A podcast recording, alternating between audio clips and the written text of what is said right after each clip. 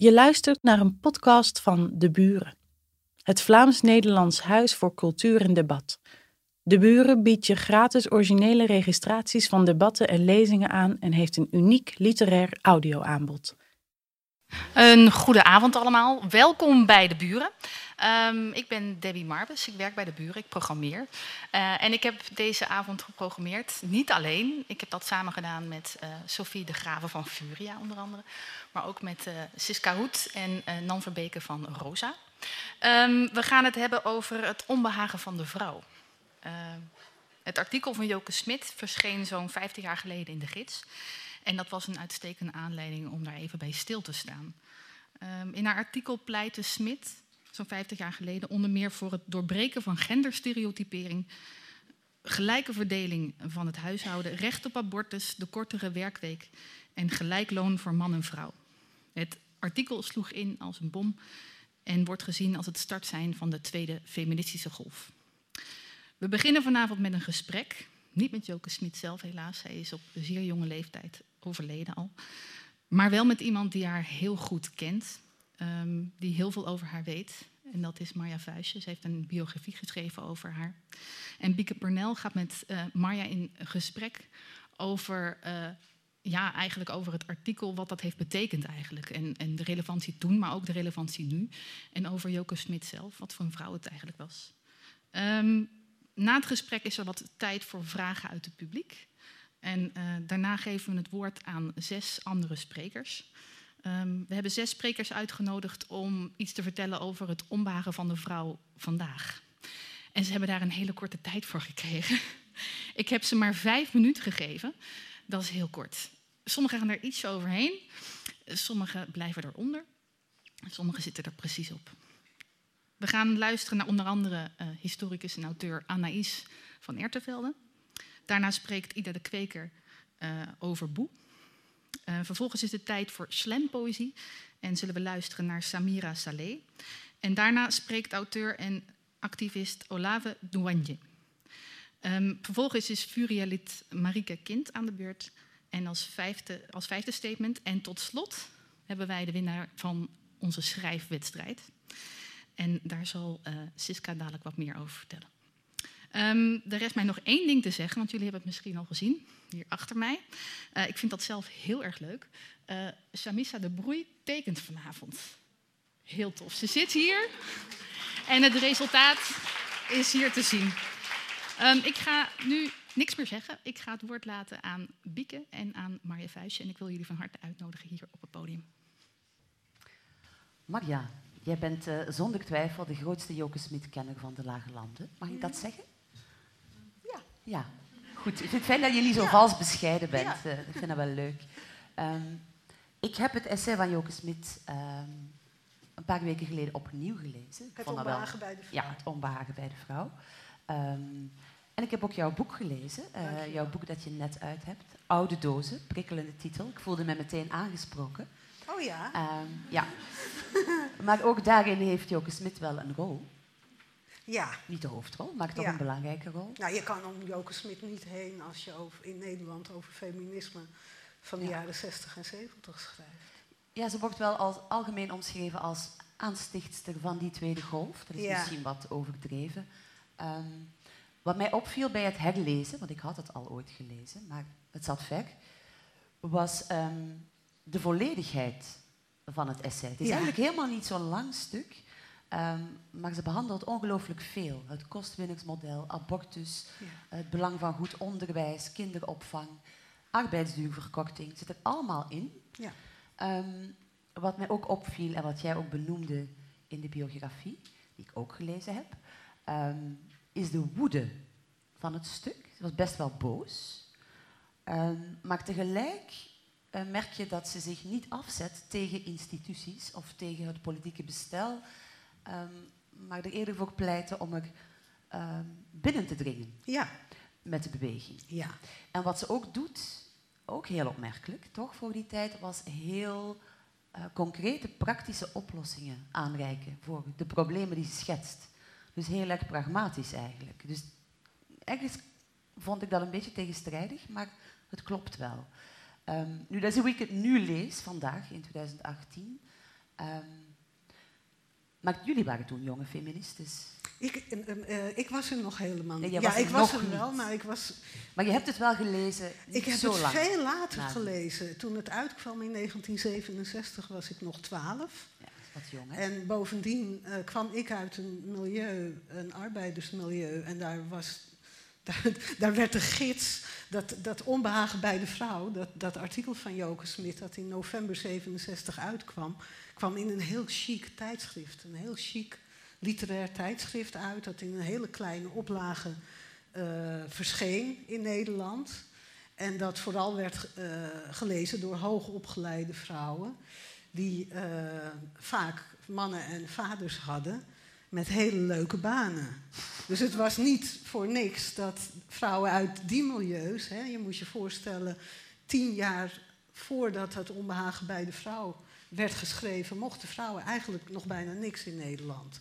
Je had nog, uh, uh, vrouwen waren nog handelingsonbekwaam. Een heleboel, voor een heleboel dingen moesten ze nog toestemming vragen aan hun vader of aan, aan hun echtgenoot als ze getrouwd waren.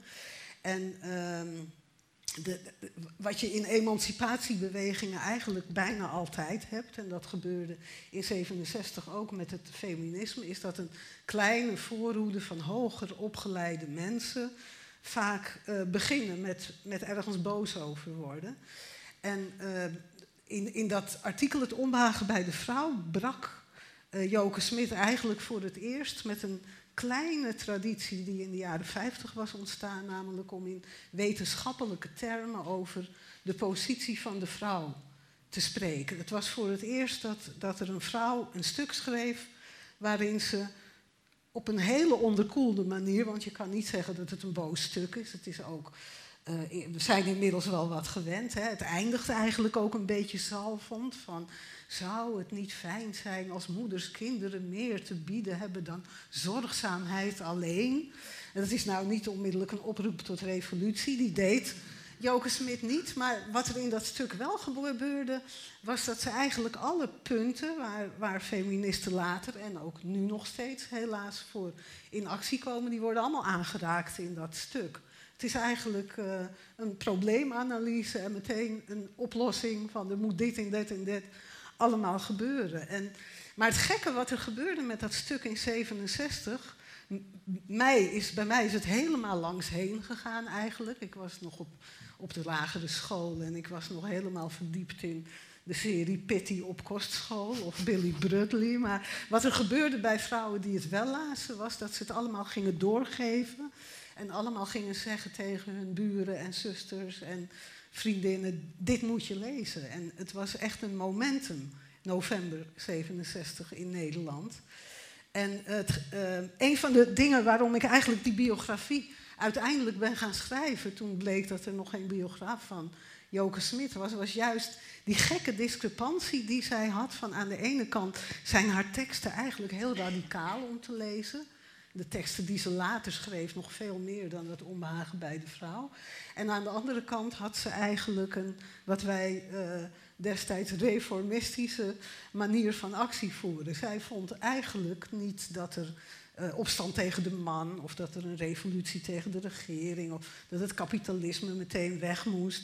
Zij vond dat je als vrouw allemaal een lange mars door de instituties moest aanvatten. En eigenlijk vond zij dat we allemaal lid van de Partij van de Arbeid moesten worden. Want dat was toen, dat is nu niet meer, maar toen was dat een machtige partij. En als je daar uh, invloed op uitoefende, dan zou uiteindelijk. En een aantal dingen zijn in die tijd ook wel gelukt. Maar het was niet een revolutionair verhaal wat ze had. Nee, klopt. En ik las het veel later. Ik ben later uh, in de redactie van Opzij gaan werken. En ik had daar een hoofdredacteur, die Joke Smit alle teksten van Joke Smit zo'n beetje als Gods woord uh, uh, beschouwde. Dus toen, toen, ontkwam ik niet meer aan Joke Smit. Oké.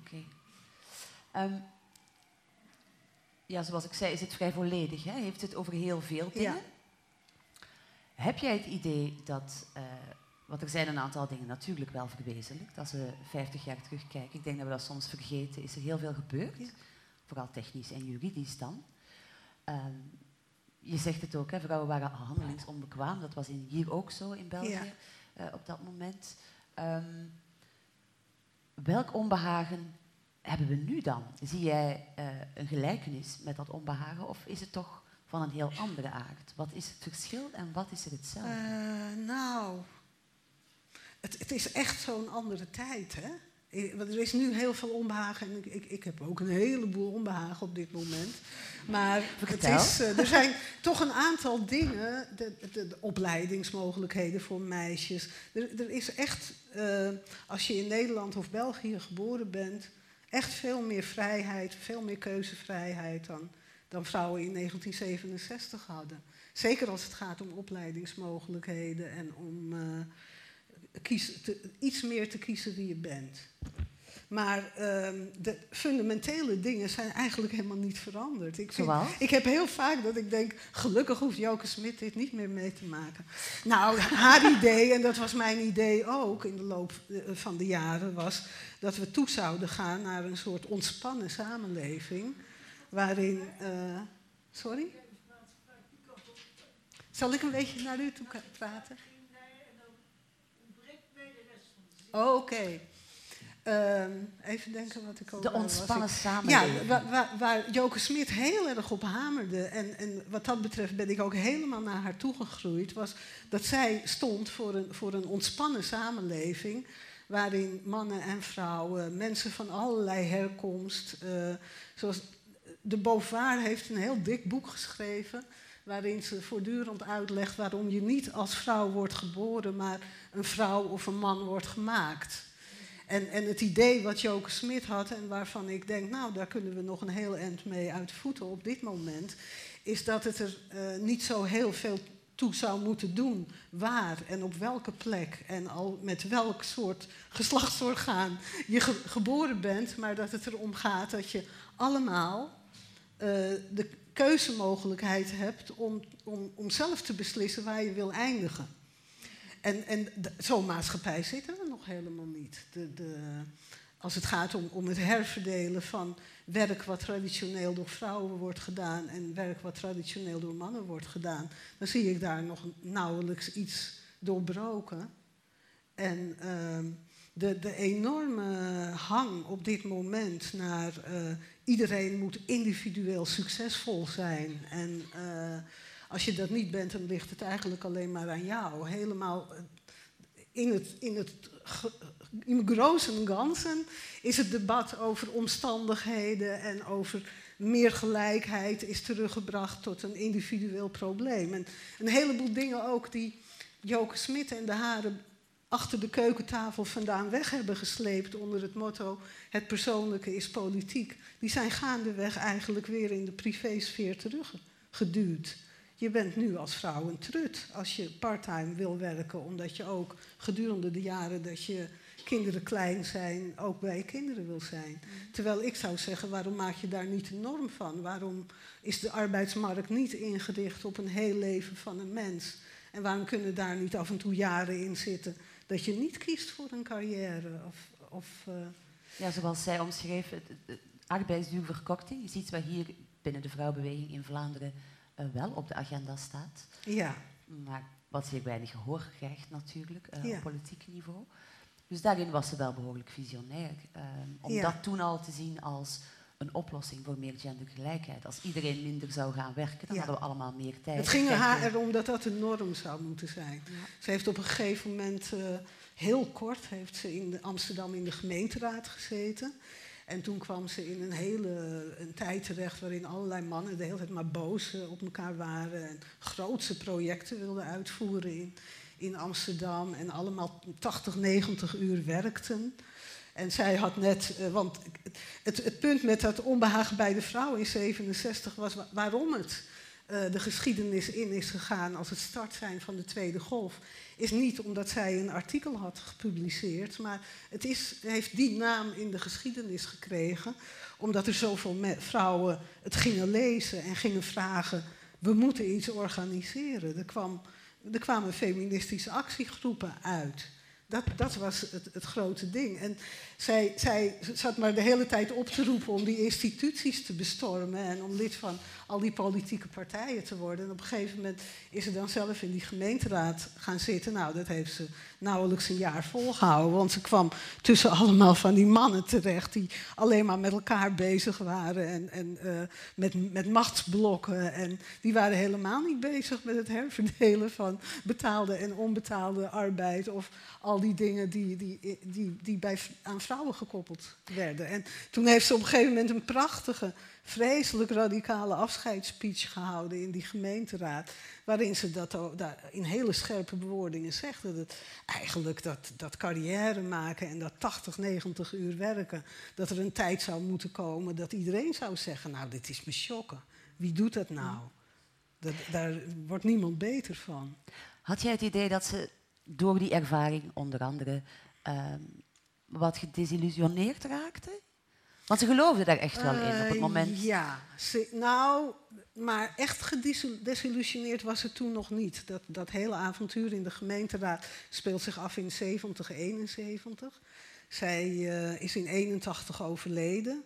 Waar zij vooral gedesillusioneerd in raakte, was de stand van, van zaken in de vrouwenbeweging zelf. Want je had dus een enorme hè, linkse en feministische types zijn er heel goed in om elkaar op een gegeven moment te gaan bestrijden. En dat gebeurde vanaf de tweede helft van de jaren zeventig niet alleen bij linkse mannen, maar ook in de feministische beweging. En eigenlijk was zij toen al helemaal passé. Dat hele idee van je moet lid worden van een politieke partij, dat vonden de meeste feministen van de Tweede Golf nou ja, die, die hadden daar helemaal geen zin in. En er kwam een, een, een, behoorlijke stroming die eigenlijk ook al niet meer met politiek bezig wilde, wilde zijn. De, de, de mainstream stroming, en die eigenlijk ook naar mijn idee het langste overeind is gebleven, was de stroming die vooral uh, met, met psychologie bezig ging.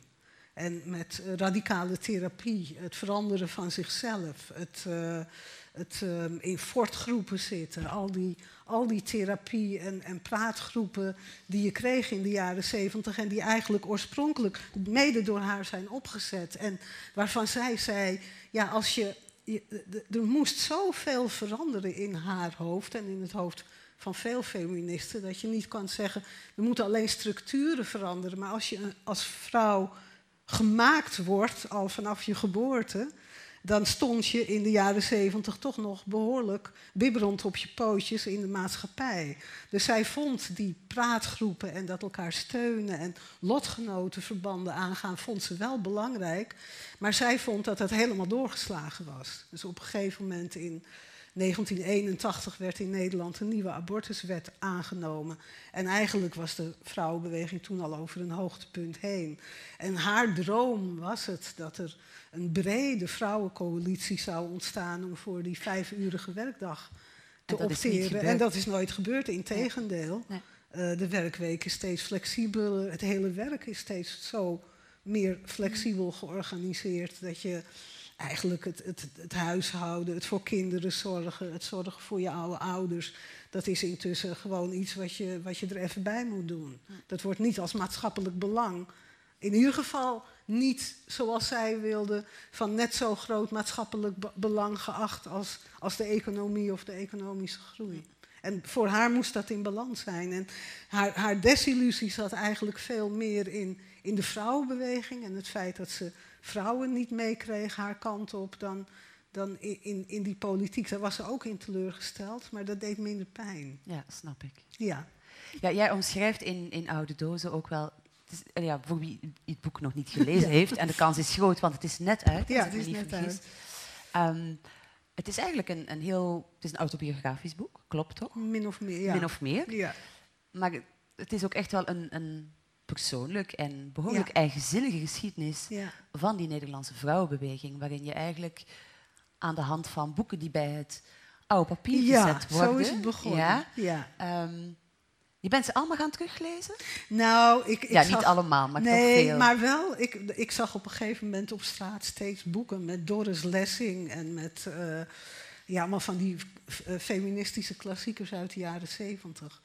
En, eh, en toen ik het eenmaal ging zien, zag ik ze overal. En dan ging ik tegen iedereen zeggen. En toen dan, dan werd ik soms gebeld. Ik heb Doris Lessing betrapt met Rut Rendel of zo. Ja, de combinaties waren soms wel Ja, de combinaties waren leuk. Dus ik ben een tijdje dat, naar die boeken en die dozen ben ik erin gaan kijken. En in tweedehands boekwinkels. En ja, heel veel uh, babyboomers die destijds betrokken waren bij de feministische beweging. En ook bij andere bewegingen. Die zijn allemaal hun boekenkast aan het opruimen. Want ze zijn helemaal kleiner, gaan ze wonen of ze krijgen te veel boeken.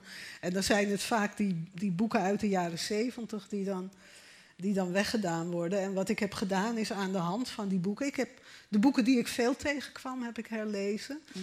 En sommige boeken, omdat ik vond, bijvoorbeeld De Tweede Sekse van Simone de Beauvoir, zit bijna nooit in zo'n doos. Niet dat mensen dat nou met rode oortjes allemaal lezen, dat dikke boek. Maar in de boekenkast willen ze het toch wel houden. het staat er mooi. Het, staat, het, is toch wel chic om Simone de Beauvoir nog te houden. Dus die, dat, dat is voor mij, is Simone de Beauvoir ook eigenlijk wel een beetje een rode draad in het boek geworden. Ook omdat zij, voor mijn gevoel, echt aan de basis staat ook van de tweede golf feminisme. Mm. Overal. Niet alleen in Europa, maar ook daarbuiten. Het feit dat, die dat mensen die boeken zo massaal ehm, weggooien, heeft dat niet iets symptomatisch? Zit daar niet, ik ja, ben misschien aan het projecteren, maar schuilt daar niet een stukje, um, een stukje desillusie in? Um, ja, het is heel verschillend. Er, er, zitten ook wel eens boeken in die ik ook wel heb weggedaan. Omdat ik, ja, dit ga ik echt nooit meer lezen. Maar er zit soms ook iets bij. Je moet als je die. Op een gegeven moment krijg je gewoon te veel boeken, dus dan ga je opruimen of je gaat kleiner wonen. Of er is van alles waardoor je boeken weg kan doen.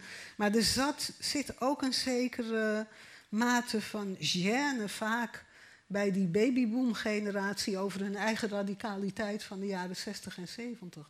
Dus veel van die, bijvoorbeeld ehm, Doris Lessing zie je, zag ik heel vaak samen met marxistische bundels en uh, uh, hele recht toe, recht aan, derde wereldanalyses en, en uh, en, en heel veel uh, babyboomers schamen zich eigenlijk een beetje. Het is ook natuurlijk een, een, een soort van activisme wat in de loop van de afgelopen 30 jaar eh, nogal in discrediet is gekomen. klopt. Van eh, allemaal luchtfietsers en nou ja, voor een deel terecht ook misschien. Maar ik, ik vond het juist omdat over de jaren zeventig vaak alleen nog maar de stereotypen over zijn. Hè? Zeker als het over feminisme gaat. Het, is, het begint nu een beetje te veranderen, heb ik het idee. maar heel lang was het zo dat als je zei dat je feministe was, of dat je dat vond dat je dat nog steeds was, dan, dan had het toch iets van. Uh, Ja, dat waren allemaal trutten die lelijk waren en chagrijnig en. Uh, ja, mannenhaatster. Al die stereotypen die altijd worden gebruikt over vrouwen die de status quo willen doorbreken. Het is niet typisch voor de tweede golf, want soortgelijke dingen werden ook over de vrouwen die voor het kiesrecht streden gezegd. En ze zijn gezegd. Ook, en ook nu nog. Ja, ja. maar ik, ik vind die jaren zeventig uh, zijn mij een beetje te dierbaar. En een aantal dingen vind ik moet je ook niet weggooien. Het, het nadenken, radicaal nadenken over gelijkheid. Ik hoop dat dat gewoon echt een revival krijgt. Maar gaat het dan, en dan komen we terug bij Joke, ehm, zijn de boeken die je houdt dan niet gewoon de moeite waard om te houden, omdat ze nog steeds relevant zijn? Ja, dat Want niet alle boeken van toen zijn nog relevant, maar sommige zijn nee, pijnlijk relevant. Ja. ja. ja. Dat vind ik bijvoorbeeld ook van het onbehagen bij de vrouw. Dus vind ik eigenlijk, ik heb het nu deze week toch ook wel weer even doorgenomen. Wat maakt het zo relevant voor jou? Nu, nou vandaag? Ja, gewoon als je die hele lijst uh, ziet die ze opnoemt. Abortus is min of meer geregeld. Maar, en, en onderwijs voor meisjes ook min of meer. Maar, Al de rest. Hè? We zullen, eigenlijk zouden we moeten turven, hè? Je zou een lijstje moeten maken. Nee, zou je, ik heb het wel eens gedaan ook. Een paar en waar kwam je uit? Nou ja, ik, ik, ik vind het probleem van vrouwen nu. Uh, dat het heel moeilijk is. In, in de jaren 60 en 70 had je het rare van dat mijn generatie heel erg afstand ging nemen van onze ouders. Hè? Die allemaal katholiek waren of iets, iets anders truttigs, vonden wij toen. En uh, die. Uh, maar er zat in de manier waarop we ons organiseerden nog iets van. Maar je moet georganiseerd zijn. En het is heel moeilijk in deze tijd denk ik dat dat soort organisatie en een heel andere vorm zal aannemen. Dus veel meer via internet bijvoorbeeld. Het, je gaat niet meer eindeloos in rokerige zaaltjes uh, zitten vergaderen met steeds dezelfde. Maar, maar ook de, de, de hele, zeg maar, de neoliberale cultuur waar we in zitten, is zo dwingend geworden. Dat het heel erg moeilijk is, denk ik, om, om, uh, om een soort van gemeenschappelijke actie. Of, of een soort gemeenschappelijke politieke gedachten te ontwikkelen. Ik, ik, volg het met heel veel belangstelling wat er nu gebeurt, maar ik, ik kan het nog niet overzien eigenlijk. Omdat aan de ene kant heb je, als je kijkt naar wat de meeste aandacht krijgt, dan is het aan de ene kant de MeToo-beweging. Mhm.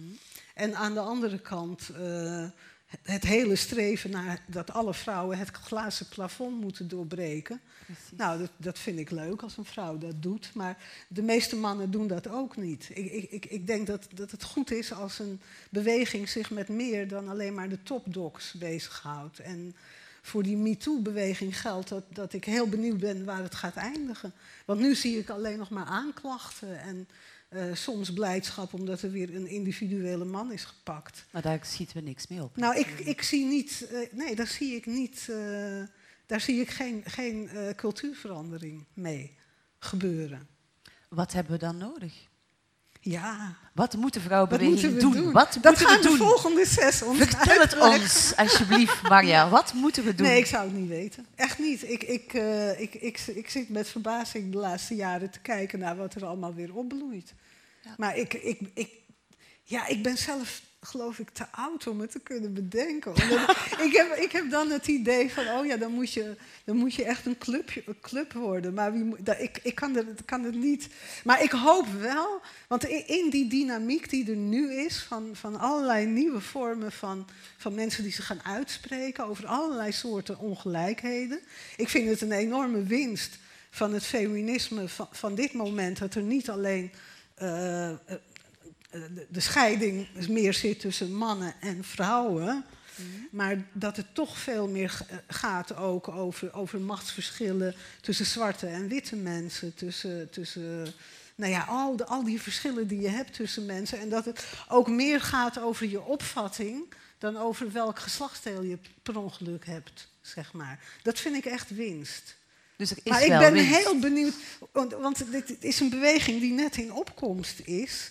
En ik ben heel benieuwd of, wat voor handen en voeten het gaat krijgen. Ik kan het niet voorspellen en ik weet ook niet, ik weet ook niet hoe het moet. Jammer. Jij wel? Nee, helemaal niet. ik had gehoopt dat van jou te horen oh, eigenlijk. Ja. ja. maar ik ben maar een eenvoudige schrijver die af en toe een boek schrijft. Ja.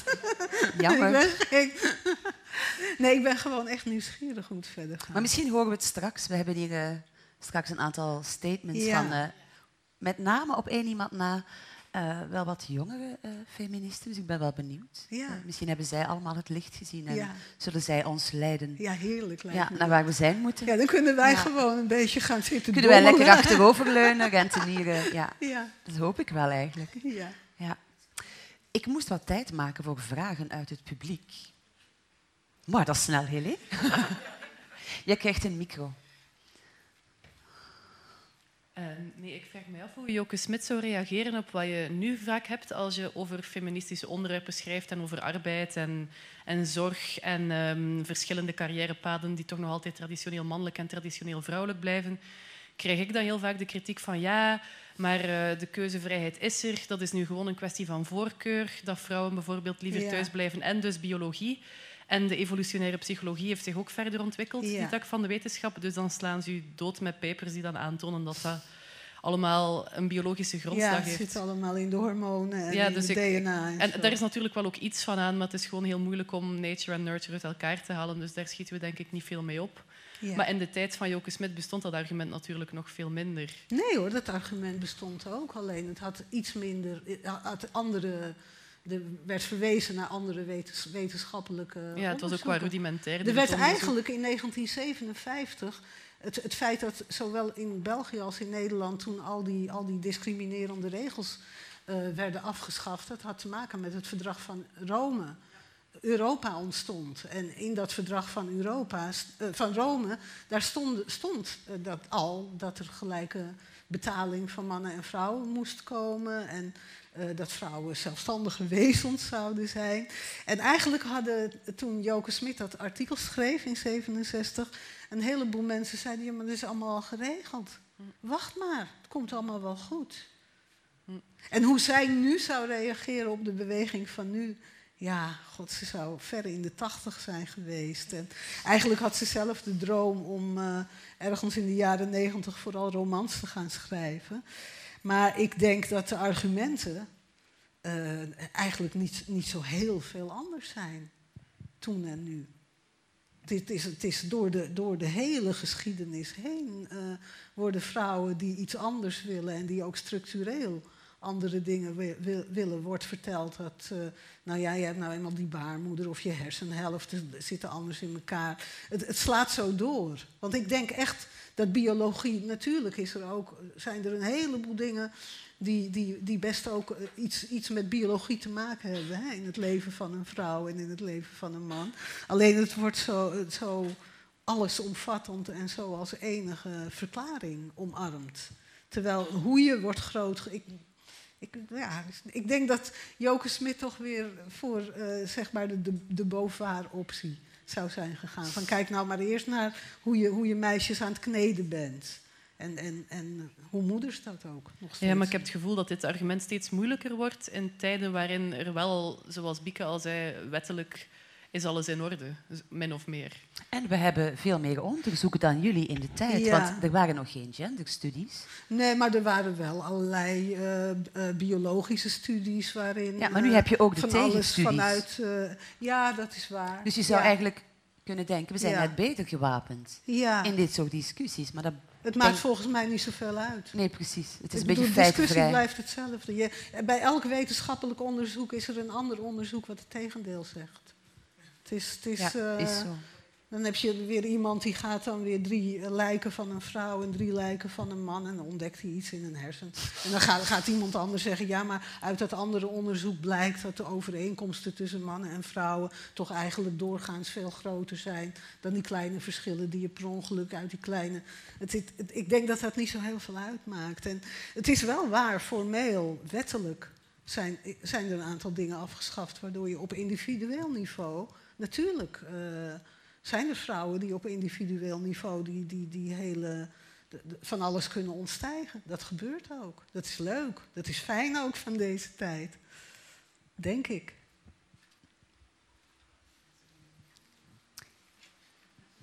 Zit er nog iemand met een prangende vraag?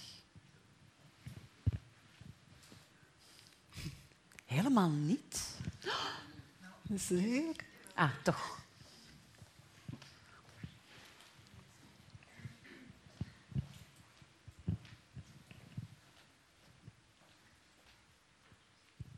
Ik vraag mij af, eh, hoe kunnen mannen dan de feministische strijd ondersteunen en wat zijn dan de verschillen tussen mannen in de jaren 60 en 70, hoe dat ze die rol invullen en nu? Is de vraag Het verschil eigenlijk. tussen De rol van de mannen? bedoel Ja, je? de rol van de mannen. Mhm. En in- inderdaad, hoe kunnen mannen één, hun, hun mannelijk wit privilege erkennen? Op welke manier moeten ze dat doen? En dan twee, hoe kunnen ze, als ze die stap dan aangaan zijn, dat wat heel vaak nog moeilijk is, hoe kunnen ze dan de feministische strijd ondersteunen? En hoe was dat vroeger en hoe is dat nu? Werden jullie überhaupt gesteund door de mannen? Wat zeg je? Werden jullie in de jaren tijdens de Tweede Golf, hadden jullie veel mannelijke steun? Nou, ze kregen de kans bijna niet.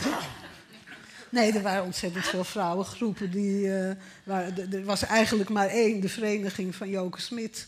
Man-vrouw maatschappij. Het was een hele nette vereniging. Die, uit allemaal, die ging allemaal in commissies zitten en rapporten schrijven en zo. En daar waren allemaal mannen bij betrokken. Maar de rest van de vrouwenbeweging wilde autonoom zijn, heette dat. En er waren natuurlijk wel eh, mannen die, eh, die, die eh, vrouweneisen steunden. Ook, ook in de politiek, ook in de Tweede Kamer. Als er geen mannen waren geweest die vrouweneisen hadden gesteund... dan, dan was die abortuswet er bijvoorbeeld nooit, nooit gekomen. En ehm, ik denk ook nu dat, dat eh, net als toen... dat, dat mannen die... die ehm, dat er ook heel veel mannen zijn die het ook... Kijk, Joke Smit, die wilde het ook de hele tijd over mannen hebben. Die zei van ja, vrouwen worden steeds de ene kant opgeduwd.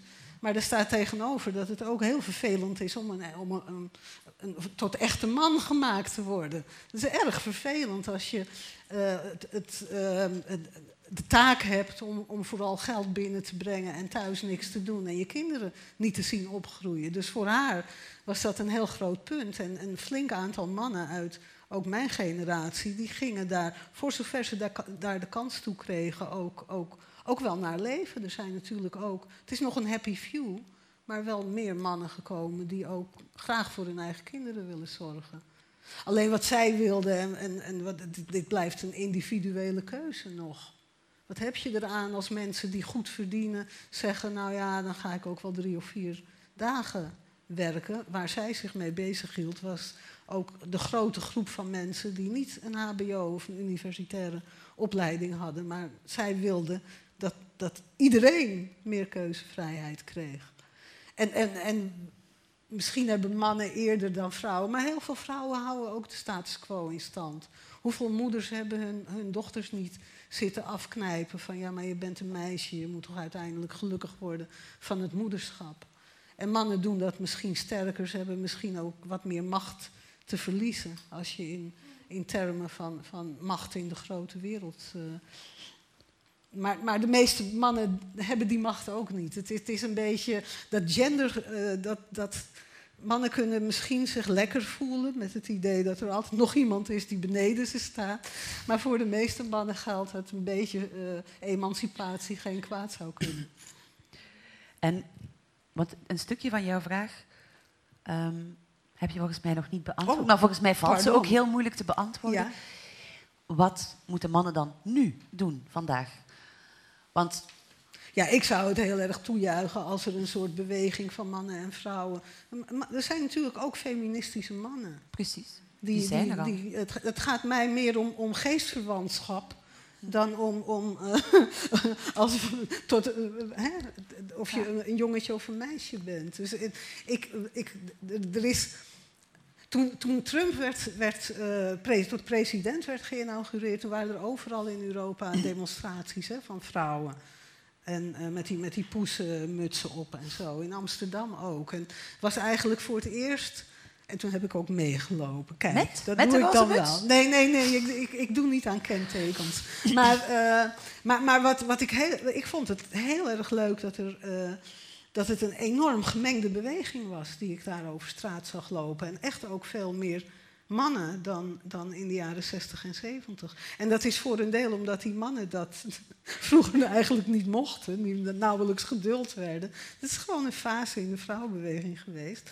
Maar ik, ik, uh, ik opteer eerder voor geestverwantschap dan voor uh, dat, dat, dat iets strikt voor vrouwen of dit moeten de mannen doen. Het is natuurlijk leuk als mannen goede voorbeelden geven en uh, laten zien dat ze ook die, die andere kant van de wereld. Niet alleen maar het economische, niet alleen maar het geld, niet alleen maar, maar de, alles wat, wat tegenwoordig zacht wordt genoemd, ook omarmen.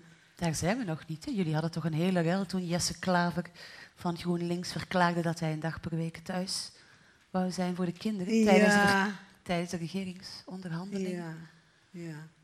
ja, god, ik weet niet of dat nou... Is dat nou een rel? Ja, dat is dan even een rel. Als het tot in Vlaanderen doordringt, dan ja, is dan het is het een rel. Ja, we hadden een rel. Ja, was verschrikkelijk voor Jesse Klaver. Ja. ja. Nee, maar het zou toch mooi zijn als dat allemaal wat meer in evenwicht en wat, wat, wat, wat ja. ontspannender allemaal wordt.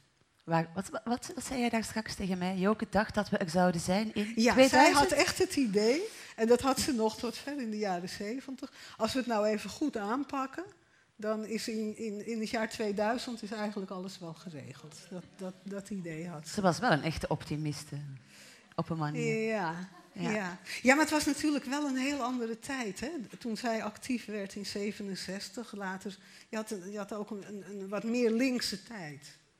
En, en dat is ook niet zo heel moeilijk natuurlijk. Je kan wel zeggen dat we verloren hebben wat dat betreft. Ja. ja. Ik kijk even naar Debbie in de hoop dat zij exact weet hoe laat het is. dus ik mag niet nog een vraag stellen. Maar die mevrouw wil nog Als er echt iemand niet gaat kunnen slapen... Ja, nog één vraagje. Ehm, u zei er juist dat wij eigenlijk gekneed worden, ook deels door onze moeders. En dat is eigenlijk mijn vraag. Ik denk dat het ook wel ehm, nog altijd zo is. Als ik spreek over feminisme, dan word ik eigenlijk niet aangevallen door jongens of door mannen. Dan is het eigenlijk ook soms, en vooral door vrouwen. Ja, En dan heb ik zoiets van, kijk, ik wil dit vechten voor ons. Ja. Maar als jij dit niet wilt, ja, voor wie ben ik dan eigenlijk? Ik sta hier voor mezelf, maar ik vraag me dan af, een aantal jaar geleden, of de tijd in de jaren 70 nog heel actief was, wat was eigenlijk zo de indruk die je had van vrouwen? Wat waren de reacties daarvan en hoe gaat je daar eigenlijk mee om? ja maar ehm, kijk, eh, de meeste mensen willen eigenlijk nooit veranderen. Je hebt altijd, eh, zoals in, in 67 hoorde Joke Smit bij zo'n eerste voorhoede van mensen die iets wilden veranderen. Maar de meeste mensen willen eigenlijk gewoon dat alles blijft zoals het is en dat alles vertrouwd blijft en veilig. En, ehm, vrouwen waren en zijn nog steeds vaak de grootste vijand van feministen. Dat is zo. Daar zullen we mee moeten leven. Daar, en, en precies daarom hang ik er erg aan om, om, om het los te maken van, van het feminisme, het idee van, van emancipatie van vrouwen en mannen. Om dat, dat ook los te maken van die gendervrouwen. Want niet alle vrouwen zijn vanzelfsprekend bondgenoten als het gaat om deze strijd. Integendeel. Mijn nieuwe boek, Mijn Oude Dozen, dat gaat voor een deel juist ook over dat wij, eh, dat er in, in die hele hoos, in de tweede helft jaren zeventig, toen vrouwen ook veel meer over psychologie gingen nadenken, toen kwamen er ook allemaal boeken uit over moederschap en over de rol van het moederschap. En, maar ook van die, van die eh, literatuur waarin, waarin feministen nog even eh, hun moeders te grazen namen. Want die moeders hadden ze allemaal geleerd dat ze als vrouw geboren waren. En dat waren wij allemaal aan het afleren. En dat. dat eh, nee, tuurlijk. Niet, niet alle vrouwen zijn vanzelfsprekend feministen, integendeel.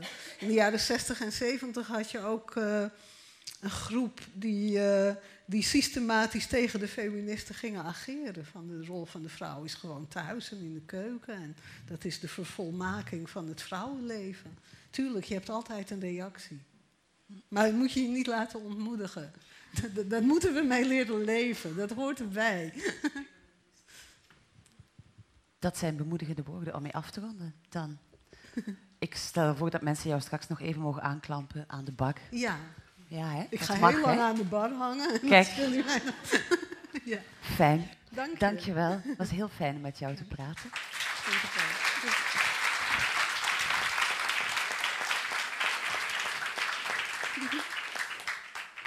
Tijd voor statements. Anaïs. Ja, jij mag eerst. Ik zal nog even vertellen wie jij bent, voor wie jij jou niet kent. Ehm Anaïs van Echtvelde, historica, schrijfster en podcastmaker. Bestaat er eigenlijk een woord, het woord postkast, postkaster? Podcaster, nee, Ja. podcastmaakster. Ook Ja. niet mooi, hè? Nee, niet mooi. Nee, Maar je maakt wel podcasts.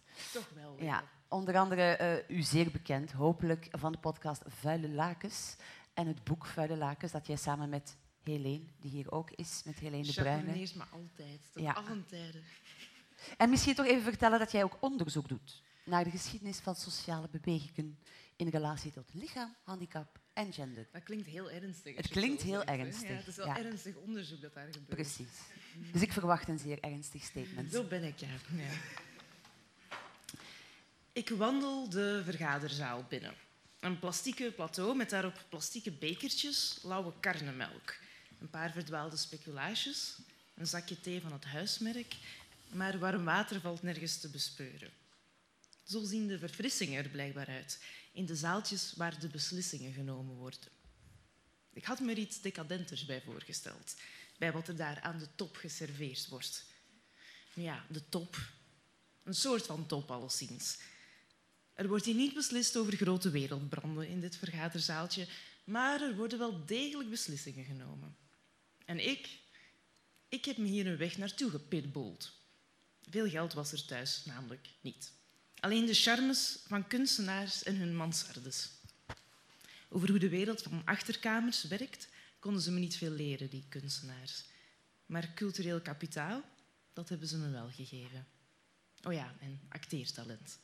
Altijd observeren, je rug recht houden, oogcontact maken, je bekken kantelen, je lippen stiften, de aandacht naar je toe trekken met stilte.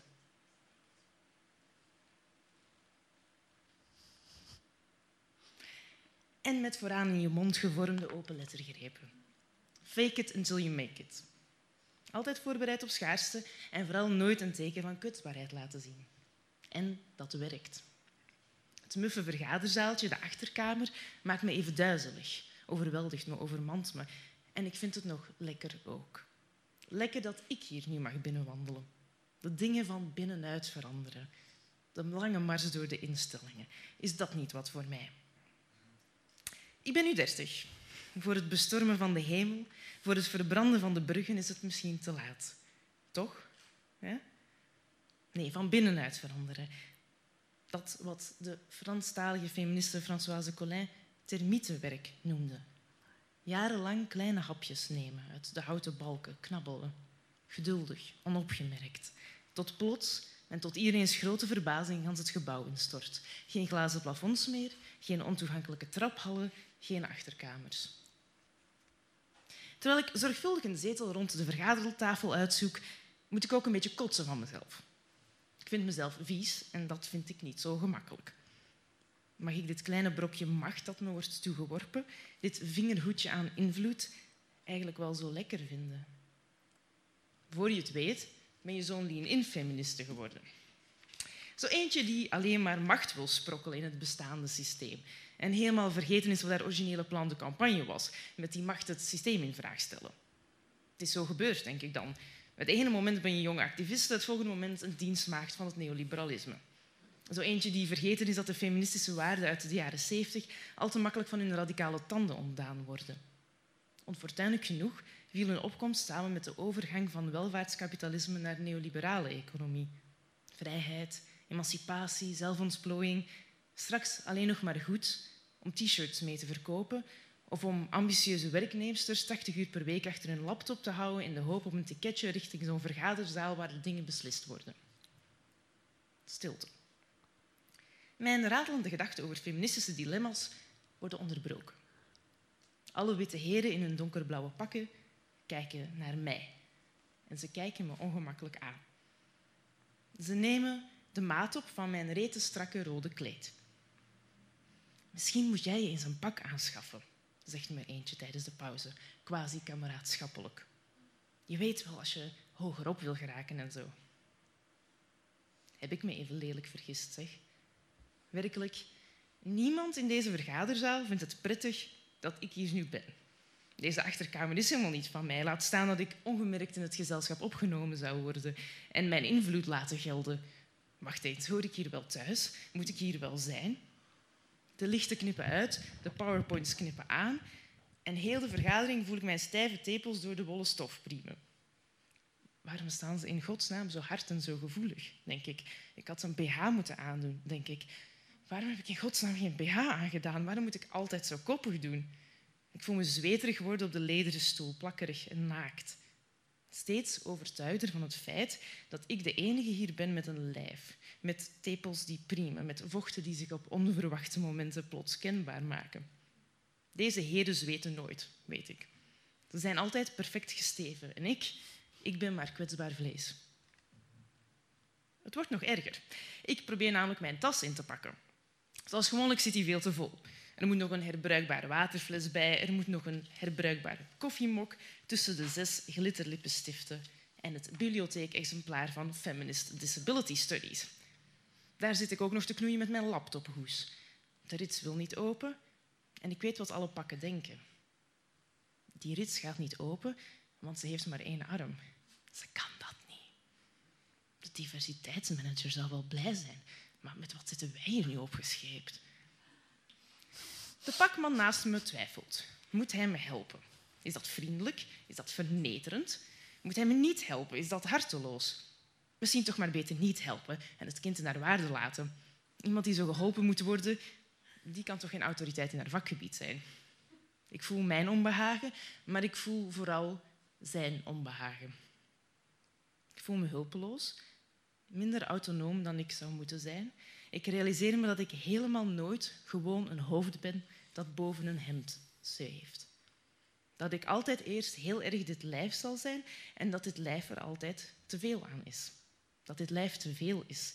Dat mijn lijf nooit een vanzelfsprekende autoriteit zal uitstralen. Dat mijn lijf nooit een vanzelfsprekende autoriteit zal uitstralen. En daarom dat wat ik zeg nooit een vanzelfsprekende autoriteit zal uitstralen. Hoeveel boeken ik ook lees, hoeveel studies ik ook citeer, hoe goed ik de taal van het instituut ook spreek. Als vrouw zou het me misschien nog lukken om mijn leven op dat van deze welwillende heren in een pak te laten lijken. Maar als gehandicapte? No way. De condition féminine kan je misschien overstijgen, de condition handicapée, godzijdank niet. Anders zal je zijn.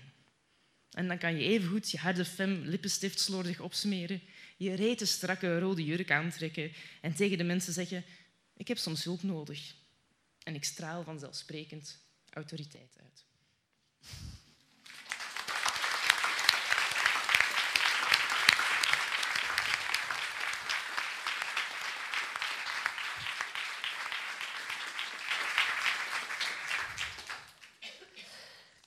Ida, het is jouw beurt. Voor wie Ida de Kweker niet kent, Ida is een van de oprichters van Dolomina Antwerpen, klopt dat? Feministe van het eerste uur. En al heel lang lid van het feministisch platform Boe, baas over eigen hoofd. Mee, mee opgericht. Mee opgericht, excuseer, oprichter van Boe. Um, voor wie Boe niet kent, Boe strijdt voor zelfbeschikking en vrije keuze voor meisjes uh, en tegen het hoofddoekenverbod uh, bij overheden op scholen en op de werkvloer.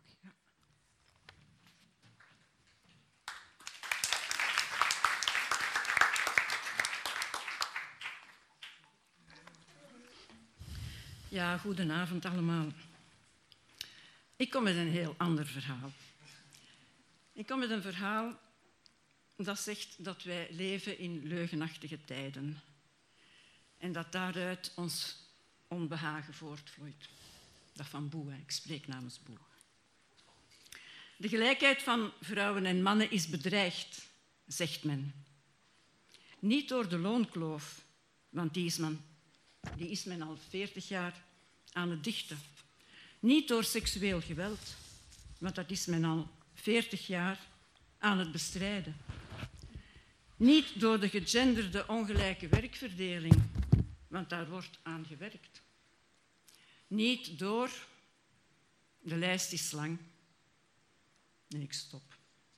Nee, de bedreiging komt van elders, zegt men.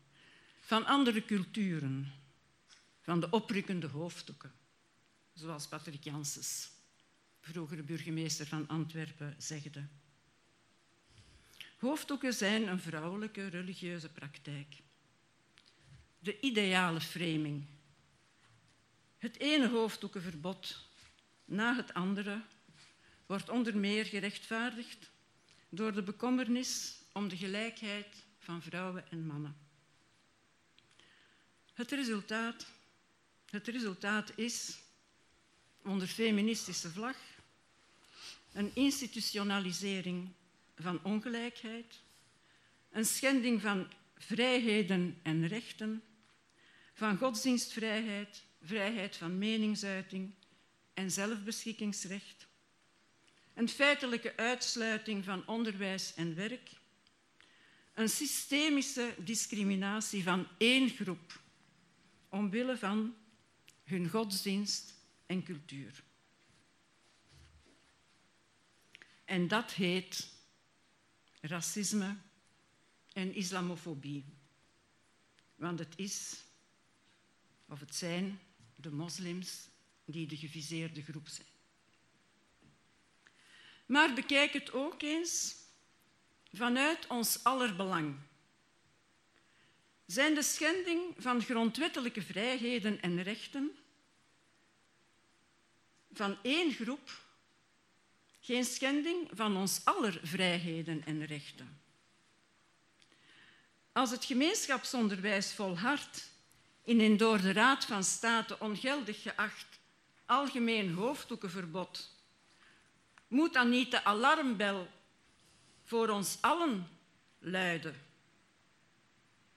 Gaan we de ultieme leugen aanvaarden dat we onze fundamentele waarden van gelijkheid, vrijheid en zelfbeschikking kunnen veiligstellen door ze voor bepaalde anderen te beperken? Kunnen we misschien zien dat zo een gevaarlijke bres wordt geopend voor andere schendingen?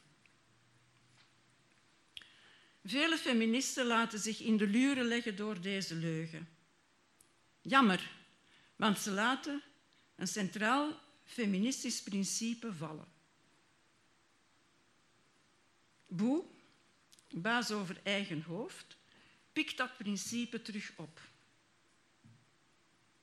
Wij gaan voor het recht op zelfbeschikking voor alle vrouwen en alle mensen.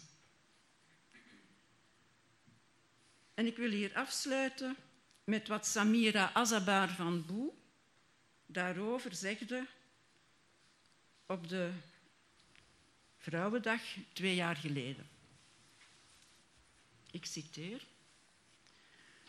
De uiteindelijk toch vrij geïsoleerd gebleven feministische strijd rond het hoofddoekenverbod zou niet gevoerd zijn, waren het niet dat een aantal feministen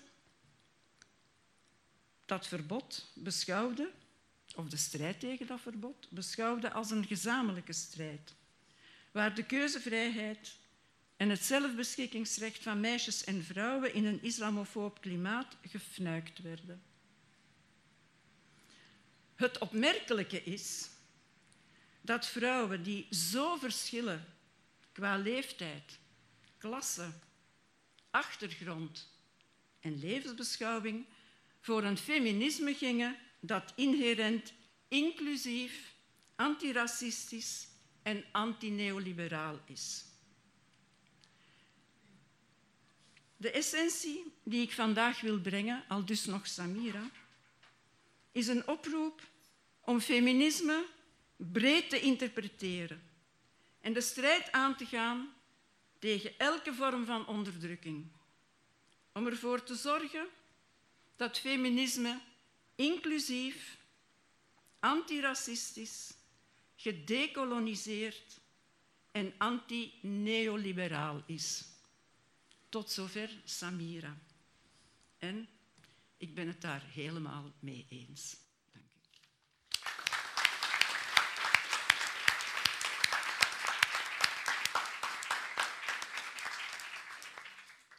Samira Saleh is een spoken word performer.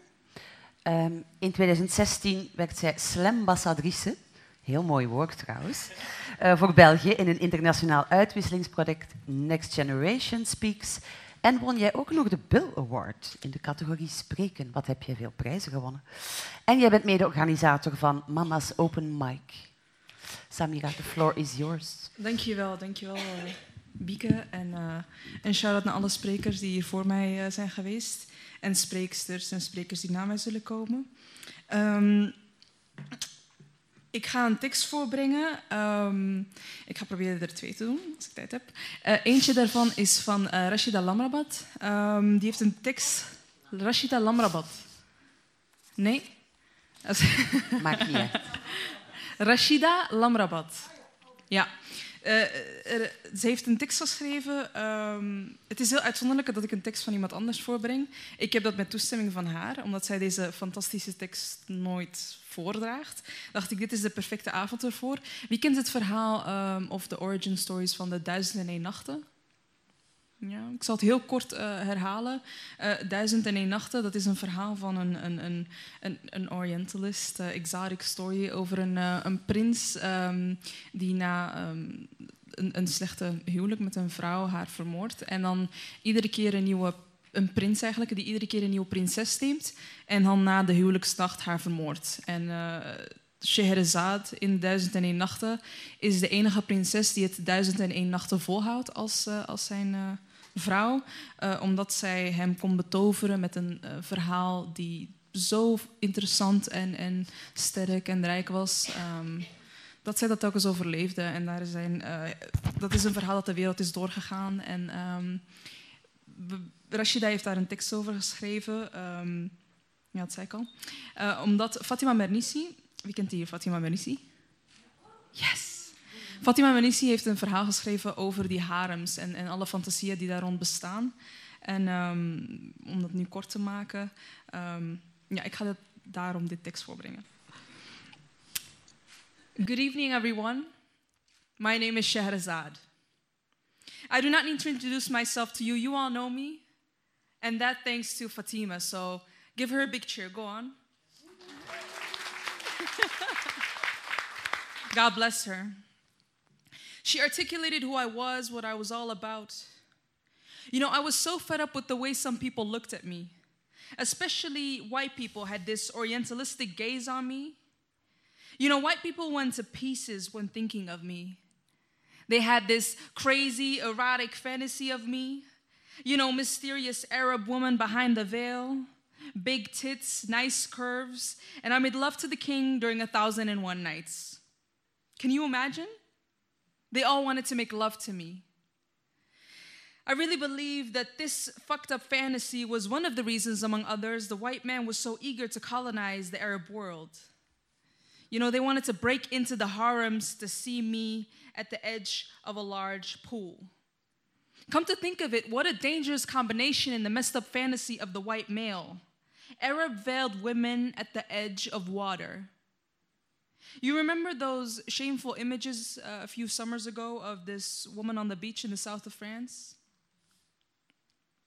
You remember how they forced this woman to undress to put down her veil so the white man could see her skin.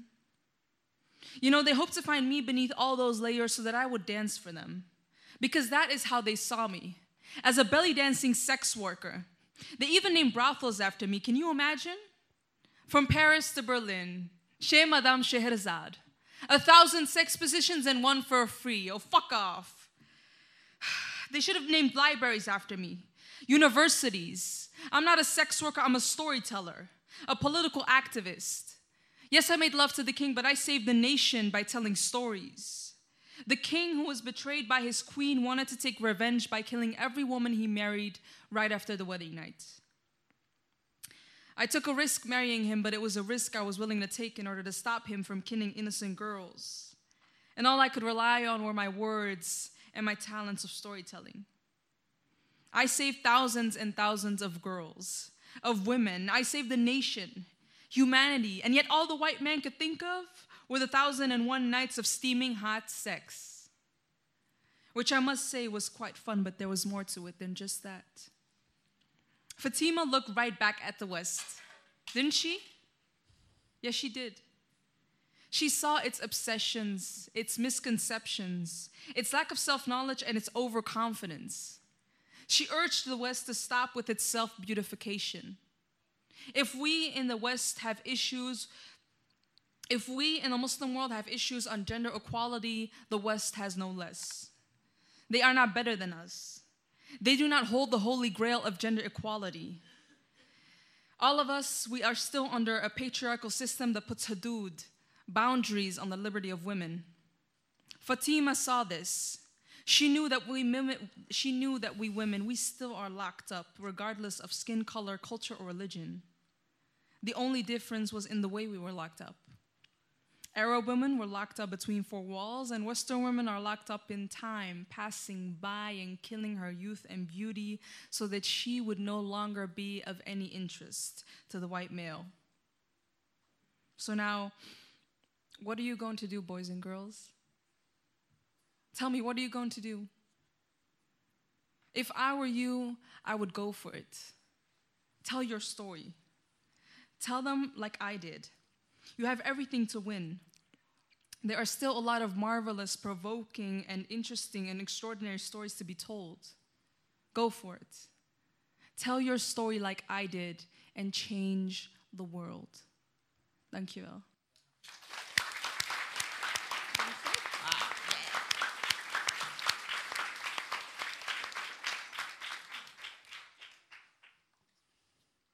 we doing? Ik kijk heel erg uit naar Jasper.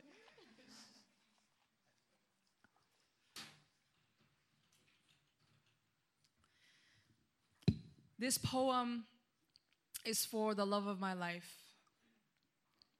food. when I see you sitting there, hot and freshly baked chocolate covered lava cake, I wonder why you're not in my stomach already. If you ask me if I'm hungry, I'll reply, always. Men lose weight and get the proteins out. Women lose weight and put a lock on the kitchen cabinets, fridge, drawers with all the cutlery, and pantry with all the cookies, because our diet won't involve us eating anyway. Some time ago, it was made clear to us that our personality traits and talents didn't matter much if it didn't come in a perfect body. Unrealistic body ideals follow, and a 13 year old is hunched over the toilet, finger down throat, because it's the new cool thing to do. The new no carbs, no bread, juice cleanse diet. Religiously checking labels and counting calories. And yes, I know that there are some things that can't be dealt with with food, but God knows you keep trying anyway. When I'm minding my business, eating a cupcake, some skinny bitch will come up to me and say, You know, that's a moment on the lips, but forever on the hips. I finish eating my chocolate chipped Oreo topped cupcake, and when I'm done, I eat her too. My body will hold down two meals of Italian pasta, Thai chicken curry, Nutella crepes, and a slice of pizza, but not your shit. I stopped seeking revenge on my own body. Stop blaming it for every bad thing that ever happened to me. Stop letting unrealistic ideals of what a woman's body should look like hold me back. I've tried to stop internalizing fat phobia. And I guess I should apologize or try and make myself smaller, but it's just that I love myself too much to give a fuck. I love food, and that is okay. Can I get an amen? Amen. Can I get an A woman? can I get an a non-binary? A non binary? Now, can we please stop telling girls they can't eat, okay? Thank you. Thank you.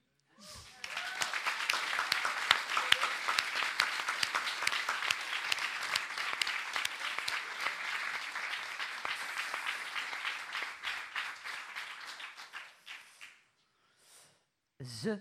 Het is een hele lijst. Ik ga hem eerst helemaal aflopen. Non-binaire, transgender, zwart, queer, feminist, entrepreneur, schrijver, activist en wereldreiziger. Ben ik nog iets vergeten? Nee? En uh, vlogger, YouTube, uh, podcast. Vlogger en YouTuber. Oh, mijn zonen zouden dat zo cool vinden. Hola, Vendoanje. Dank je wel. Dank jullie wel. Een man, een uh, beroemde man, een doorgaans geciteerde man bekend. Ik heb niet de minste last van onbehagen. Dat steriele gevoel van voorbijgaande zwakheid, machteloosheid, stuurloosheid. Wat is een, wat is een steriel gevoel? Wellicht bedoelt hij impotent. Zou hij zeggen dat onbehagelijke vrouwen impotent en steriele vrouwen zijn? Als alcoholist in herstel denk ik bij onbehagen vooral aan hoe het voelt om te willen, maar niet te kunnen. Van trek, van zeenzocht, van onbeholpen zitten met herinneringen aan vergiftigd verzadiging. Mijn lichaam hunkert en mijn geest reikt dan naar dingen, naar, naar, naar hebben, naar, naar vullen. Onbehagen is soms dus ook gretig en hongerig. Ik denk dan onhongerig naar inhoud, naar betekenis, naar zingeving. Gretige, hongerige vrouwen zijn wellicht onbehagelijke vrouwen. Ze zijn niet te behagen en het verspreidt zich. Ze veroorzaken onbehagen, onbehagen bij elkaar, maar ook onbehagen bij de man. Witte, onbehagelijke vrouwen zetten namelijk de witte man te kak. Het onbehagen van de witte vrouw is zowaar een telastenlegging. Een aanklacht tegen een ordeningssysteem dat haar van alles belooft. De westerse patriarchie belooft haar witte vrouwen te beschermen van het gevaar van zwarte en bruine lichamen. Maar, maar ook van intellectuele inspanning, van vleeselijke lust, van kinderloze eenzaamheid en van de ziekelijke hysterie van willen. De witte vrouw wordt daartoe geconstrueerd als puur, fragiel, prooi, onschuldig en onbekwaam. De vrouw als het zwakkere geslacht. De belofte tot bescherming, verzorging en weldaad is echter slechts een deel van de witte suprematische genderpact. De witte vrouw moet namelijk haar vrijheid inbrengen. Ze moet dienstbaar zijn en ze moet zedelijk blijven. Het woord vrouw verraadt deze verwachting en verplichting van het vrouwelijke geslacht. Vrouwa, vrouw ja, de stamwoord van, het hedendaagse, van onze hedendaagse vrouw, werden destijds uitsluitend gebruikt voor voorname vrouwen, adellijke echtgenoten en vrouwelijke heiligen. Het gehele vrouwelijke geslacht is ondertussen verheven tot het voorname, tot het edele geslacht. Vrouw zijn betekent al dus verheven zijn. Verheven van de materie des levens. Behagelijk witte vrouwen zijn al dus puur, mooi, zedelijk, voornaam, beschermd en onvrij. Kirundi, mijn moeders taal, getuigt van een hele andere perspectief op de vrouw als construct. Oftewel uitvinding en uitdenking. Wij noemen haar umugore in enkelvoud en abagore in meervoud. Het woord umugore heeft haar oorsprong te danken aan de werkwoorden kugora en kugorgwa. Kugorgwa betekent lijden, to suffer, souffrir. Kugora echter betekent verstoren, to disrupt, unterbrechen. Umugore is volgens het Kirundi Zowel degene die leidt als degene die verstoort. Ik vermoed een zekere samenhang. Een complementaire verhouding in de samenkomst van lijden en verstoren. Of is Umugore meer een tegenstelling? Zowel een potentaat als een affect. Nee, het gaat hier om beweging. Umugore is een bewogen beweger. De impact van trauma, van lijden, creëert richting, rimpels als het ware, van weerstand als consequentie. Verzet als een existentiële pijler, als een voorwaarde voor bestaan, als een voorwaarde voor het hele en repareren van trauma en het bestrijden van lijden. Umugore is dus veel eer een continuum waarin de dimensies trauma, verzet en helen zich tot elkaar verhouden. De man, Umugabo, meervoud Abagabo, vindt zijn oorsprong in het werkwoord Kugawa. Kugawa betekent zowel regeren als geven. Umugabo verenigt een aanspraak op regeren en een verplichting tot het geven. Dit is een traditionele Burundese ordeningsprincipe van macht tussen veehouders en boeren. De veehouder gaf vee aan de boer en de boer betaalde terug in gewassenen en loyaliteit. Umugabo is dus een overblijfsel van Burundi's prekoloniale feodale machtsbegrippen. Hij geeft en regeert. Betekent dit dat Umugabo's gift aan Umugore vergiftigd is? Is Umugore's lijden te herleiden tot Umugabo's gift? Is zijn zaad misschien dat vergiftigd gift? Of is het zijn bescherming? En wat te denken van zijn aanspraak op gezag, op regeren? Hoe verhoudt dat zich tot de verstorende potentie van Umugore? Is zijn aanspraak op macht werkelijk universeel en effectief indien verstoord? Is zijn aanspraak op regeren werkelijk legitiem en natuurlijk in het aangezicht van Umugore? Sinds een paar jaar geleden ben ik uit de kast als transgender. Dat wil zeggen, ik ben geen jongen of man. Ik heb er destijds eigenlijk gewoon de brui aangegeven. Ik heb het project Man worden opgegeven. Het had me namelijk opgebrand en me voor dood achtergelaten.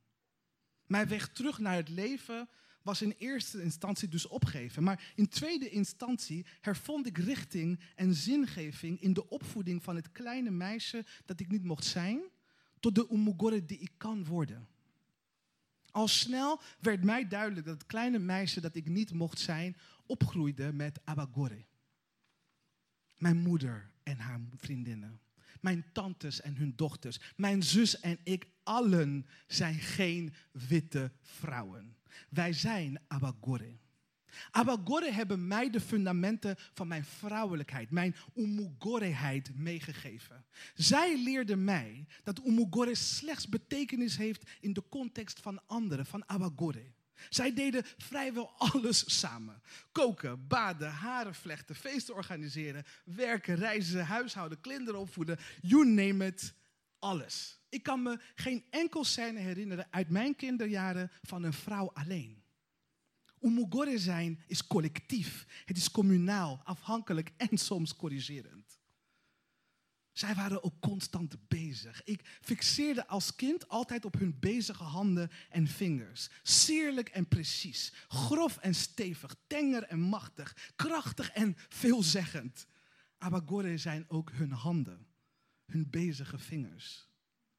Van Abagore leerde ik ook over genot, over smullen, over bedachtzame traagheid, over flaneren. Bezig zijn is niet hetzelfde als haastig zijn. Ik groeide op met de decadentie van lome traagheid. Umugore zijn is ook waardigheid en trots en eer. Abagore bewaken hun eer en waardigheid zelf. Voor elkaar en soms van elkaar. Ik kan me de rechte ruggen herinneren, de strakke en ijzige blikken, de ingehouden toorn, de onberispelijk vriendelijke weerwoorden, de gelaagde verwijten, verpakt in vergulde bijbelse referenties, de heimelijke verstandhoudingen en de hartelijke rituelen van het bijleggen van oude zeren. Witte vrouwelijkheid daarentegen komt mij over als eenzaam. Verveeld, beperkt, gehaast en gewelddadig. Witte vrouwelijkheid is een koloniale construct, oftewel een uitvinding.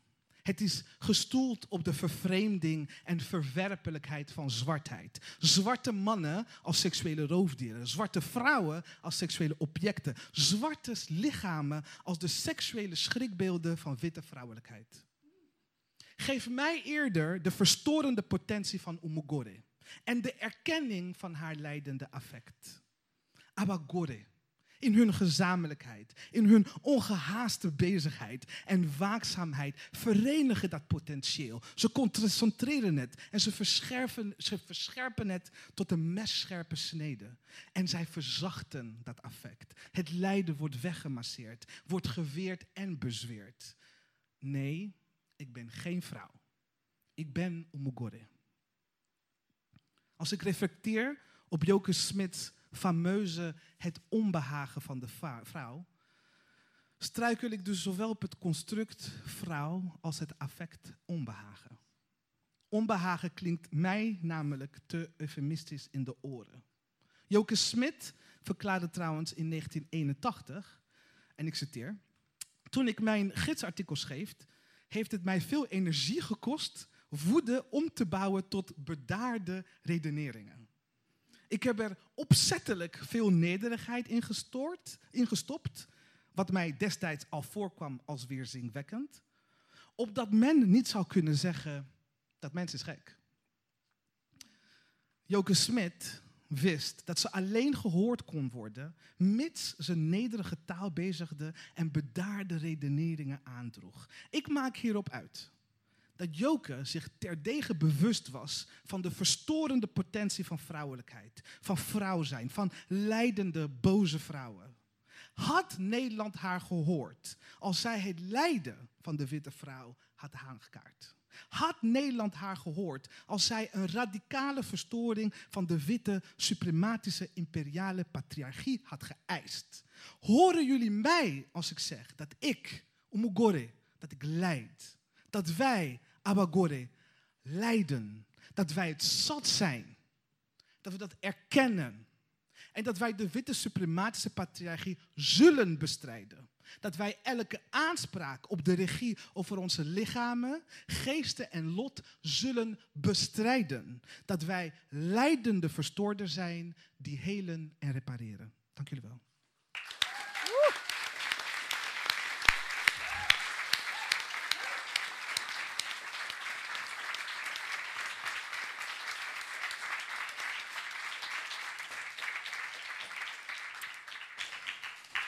Onze volgende spreker kreeg het feminisme met de paplepel binnen van haar activistische moeder. Laten we de hemel danken voor feministische moeders. En is lid van FUJA, Denk- en Actiegroep, waar zij het feministische vuur mee brandend houdt. Marieke Kind.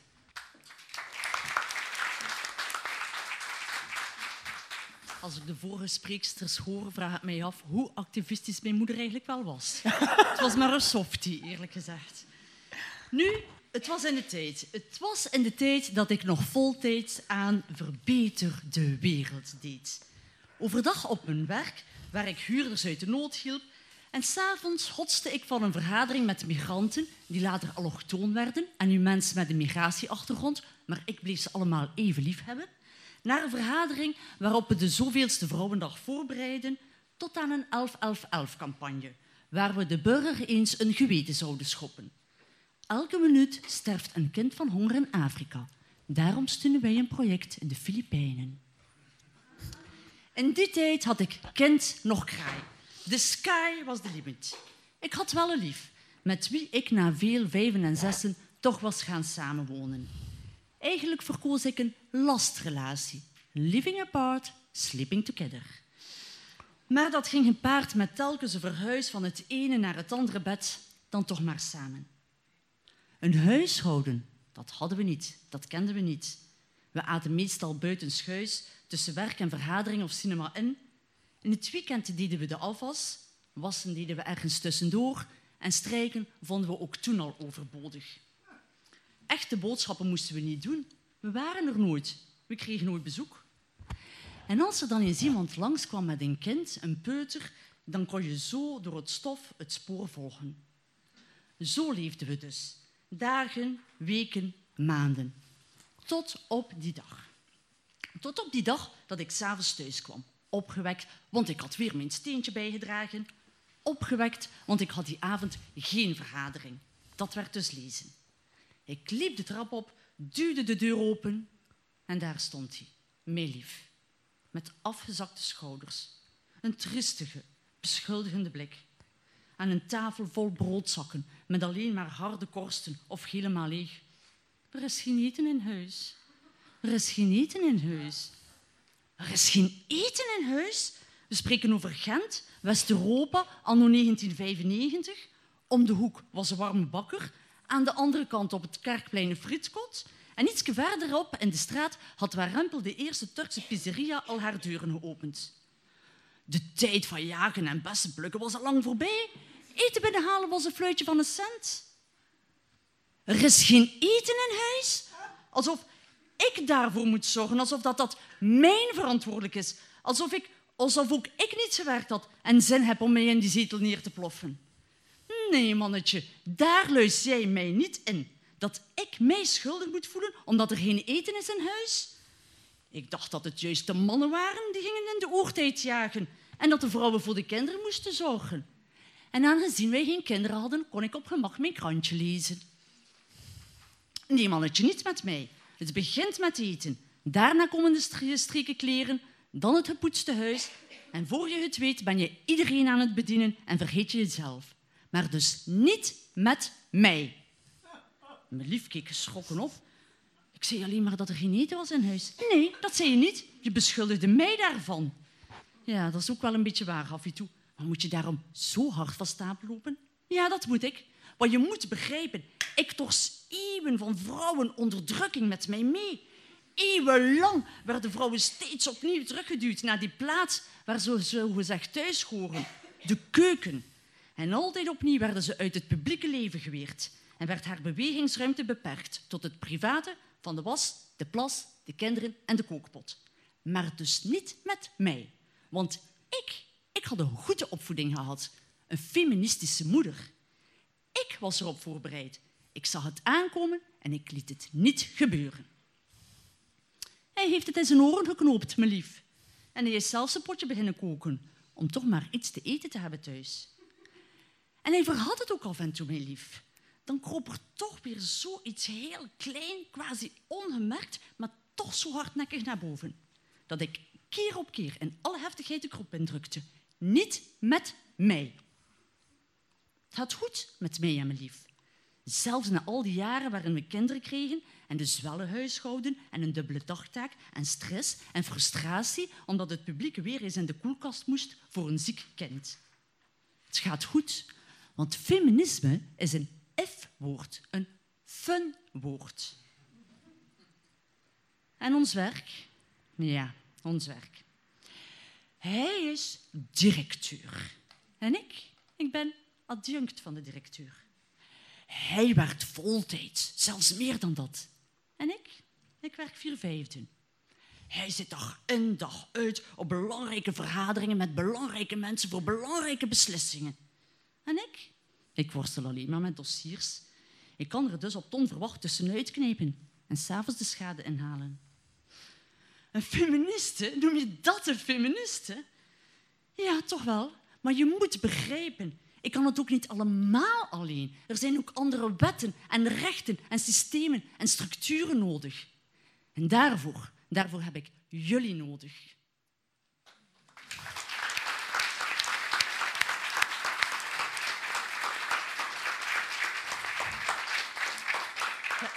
Heb nog een klein uitsmijtertje, want de tekst is niet van 1967, maar toch intussen al van 2010. En het is eigenlijk geschreven na de Vrouwendag van 2008, waarin, we, de, waarin we toen een belangrijke workshop hadden. En dat ging over combinatie arbeid en gezin. En als ik daar nu op terugkijk, ben ik eigenlijk heel verwonderd over het feit hoe dat, dat toen gevoerd werd. De nadruk lag uitsluitend op arbeid en hoe die arbeid kon aangepast worden in combinatie met het gezin. Kinderopvang kwam ook aan bod, de rol van de man in het huishouden, ook altijd opnieuw de schuldgevoelens van vrouwen tegenover hun kinderen. En ook, en dat vind ik echt frappant, in 2008 werd er nog gehamerd op het recht van de vrouw om te werken. Ik denk nu, de dag van vandaag, dat dat gewoon compleet achterhaald is. Dat het evident is dat vrouwen werken, dat de aanwezigheid van vrouwen op de arbeidsmarkt dat dat een vanzelfsprekendheid is, een verworvenheid. Maar toen, in 2008, werd er nog gewaarschuwd voor economische crisissen, want dat zouden de momenten zijn waarop vrouwen weer massaal uit de arbeidsmarkt gestoten zouden worden. Nu, over die arbeidsmarkt valt er nog heel wat te zeggen, zeker in, verband, in relatie met vrouwen. We hebben nog altijd de loon- en de zorgkloof, de slecht betaalde sectoren waarin vooral vrouwen te werk gesteld zijn, deeltijdswerk, flexiejob, noem maar op. Maar na die Vrouwendag is het bij mij eigenlijk wel beginnen dagen dat het misschien wel tijd werd om ons ook bezig te houden met die andere poot van combinatie arbeid en gezin, namelijk het gezin. Want binnen feminisme is er heel vaak en heel terecht heel sterk de nadruk gelegd op het verwerven van economische onafhankelijkheid van vrouwen. En vandaar ook de focus op arbeid. Maar toen dacht ik, als we iedereen op dat publieke forum van arbeid en engagement willen krijgen, is het misschien belangrijk om ook te kijken en na te denken over dat gezin.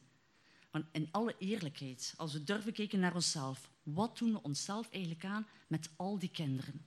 En wat doen we onszelf aan om alles te proberen op te lossen in dat kleine kerngezin? We willen daar de was doen, plassen, koken, administratie, opvoeding, alles. Vandaar dat ik denk, er moeten toch andere systemen en structuren mogelijk zijn.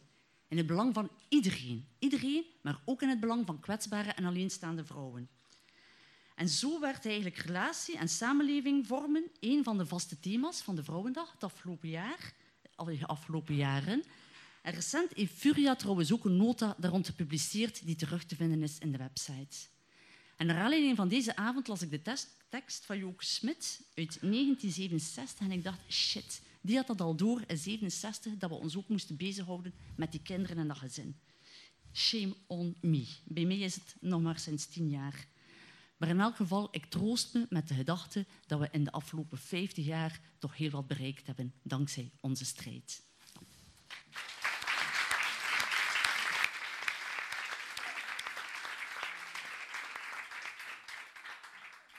Mannen hebben het heerlijk, vrouwen hebben het rot. Uh, dat was de eerste zin van het onbehagen bij de vrouw. Um, een heel legendarische eerste zin van een legendarisch statement. Uh, wij vroegen jullie om een statement te schrijven en dat hebben jullie massaal gedaan. En er was er eentje die eruit sprong, volgens de jury. En mijn fijne collega Siska Hoed, uh, voorzitter van de jury, zal uitleggen waarom. Goedenavond. Ik heb uh, inderdaad een hele leuke taak vanavond, want ik mag de winnaar van onze schrijfwedstrijd aankondigen. Ja. Is het zo beter? Uh, wat ik zei was dat ik een hele fijne taak heb deze avond, omdat ik uh, de winnaar van onze schrijfwedstrijd mag aankondigen. Toen we deze avond samen met de buren in Furia in elkaar aan het steken waren, vonden we dat het toch ook heel belangrijk was om het publiek aan het woord te laten. Uh, en toen hebben we um, een oproep de wereld ingestuurd. En dan de wereld is aan Nederland en Vlaanderen. Um, met de vraag om een statement te schrijven over het ongenoegen van de vrouw vandaag. Waar liggen de pijnpunten en op welke manieren kunnen we toewerken naar een meer gendergelijke samenleving? Daarop kregen we 50 inzendingen binnen. Uh, en die liggen hier ook gebundeld, geloof ik, Debbie. Ja, inderdaad. Dus die kunnen jullie straks ook nog bekijken.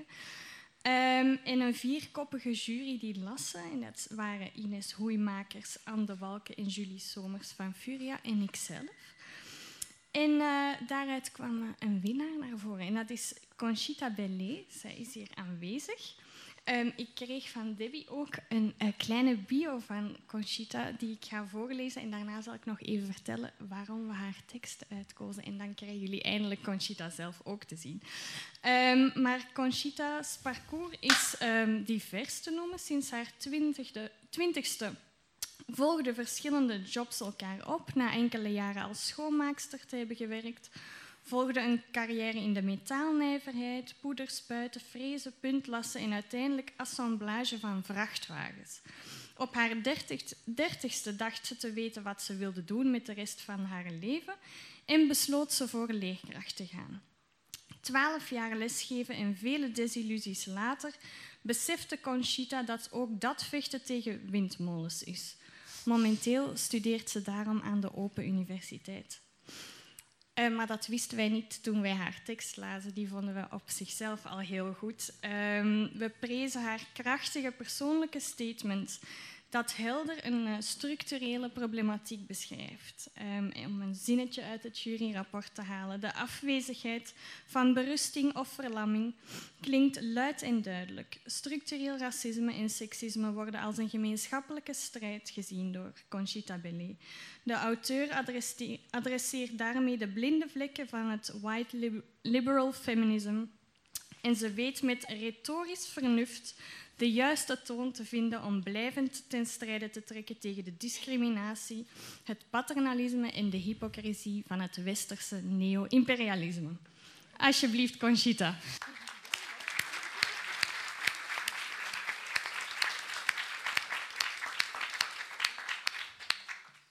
Mooi.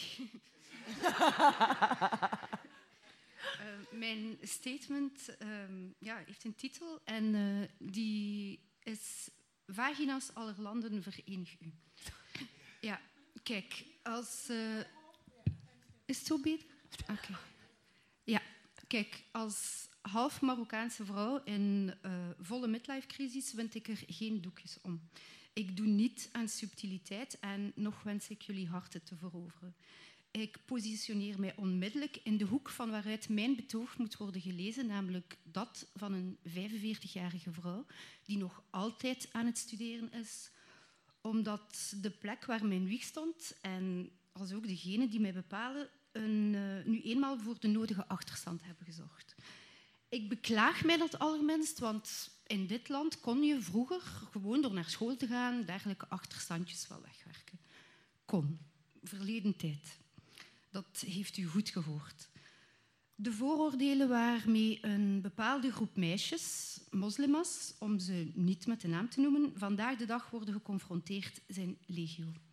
Niet het minst in het onderwijs, dat mocht ik in amper twaalf jaar dienst uh, vaststellen. Dat zorgt ervoor dat ik dat onderwijs dat zij genieten wel moet bestempelen als discriminerend, paternalistisch en uiterst hypocriet discriminerend, omdat we niet voorbij kunnen aan het feit dat ze worden aangewezen, eruit gehaald, bestempeld als anders, het eeuwige wij-zij-verhaal, waarbij duidelijk wordt gesteld dat zij tot een andere groep behoren. Daar waar men net zou moeten verbinden, wordt vooral het onderscheid geïnstalleerd. Paternalistisch, omdat men in het hoofddoekendebat steeds als vanzelfsprekend aanneemt dat het hier een groep onderdrukte vrouwen betreft die moet verlost worden van hun juk. 11 september gaf vele jongeren een bewustzijn over hun islamitische identiteit. Vele westerlingen gaf het echter een angststoornis over die identiteit, wat het wij-zij-verhaal nog vergrootte. Geen haar op onze ongedekte hoofden dat in overweging neemt dat die keuze voor een hoofddoek een kritische houding tegenover westerse neo-imperialistische dominantie zou kunnen reflecteren. Hypocriet omdat we met twee maten en gewichten werken. Neem het voorbeeld van de maagdenvliesreconstructie. We oordelen graag dat wanneer jonge meisjes hiervoor kiezen, ze daardoor de dubbele moraal met betrekking tot seksualiteit in stand houden. U weet wel, jongens mogen ongestraft seks hebben voor het huwelijk en meisjes niet. We gaan hiermee wel voorbij dat die meisjes kozen om een seksueel actief leven te hebben. Bovendien, en hierin schuilt de hypocrisie, hoe mild of stilzwijgend oordelen wij niet over de schaamlipcorrecties die westerse vrouwen onder druk van een seksistische schoonheidscultuur ondergaan. Misschien ligt daar wel een sprankeltje hoop in dat niet oordelen. Ik pleit er dan ook voor om solidariteit het codewoord van het feminisme van nu te maken. Minder oordelen, beoordelen, veroordelen en meer betrokkenheid en verbondenheid. En hier zit een addertje onder het gras. Niet met die mensen, met gelijkgestemden, met wie dichtst bij ons staat, maar vooral met diegenen die het verste van ons en van onze ideeën staan. Niet omdat we vanuit een eh, pluralistische, multiculturele mensvisie alles weg moeten relativeren, maar omdat we niet zo verdomd overtuigd moeten zijn en blijven van ons grote gelijk. Laat ons debatteren en in dialoog gaan, maar vooral laat ons luisteren naar wat de noden zijn van elke andere vrouw. Misschien steken we dan nog iets van elkaar op.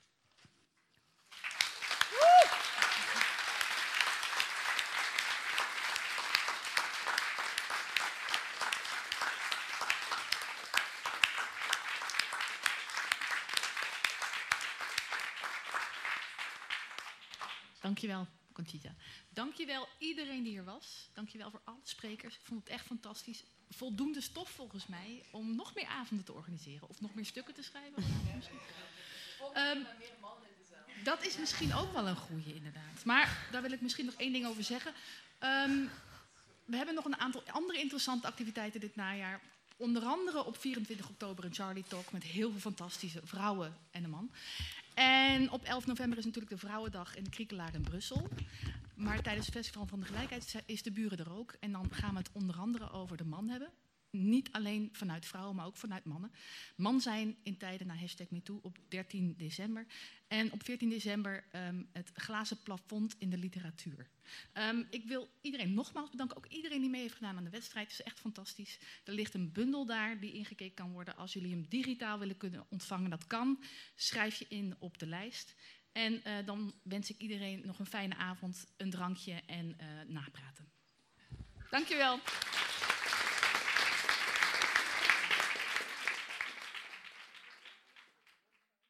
Je luisterde naar een podcast van De Buren, het Vlaams-Nederlands Huis voor Cultuur en Debat.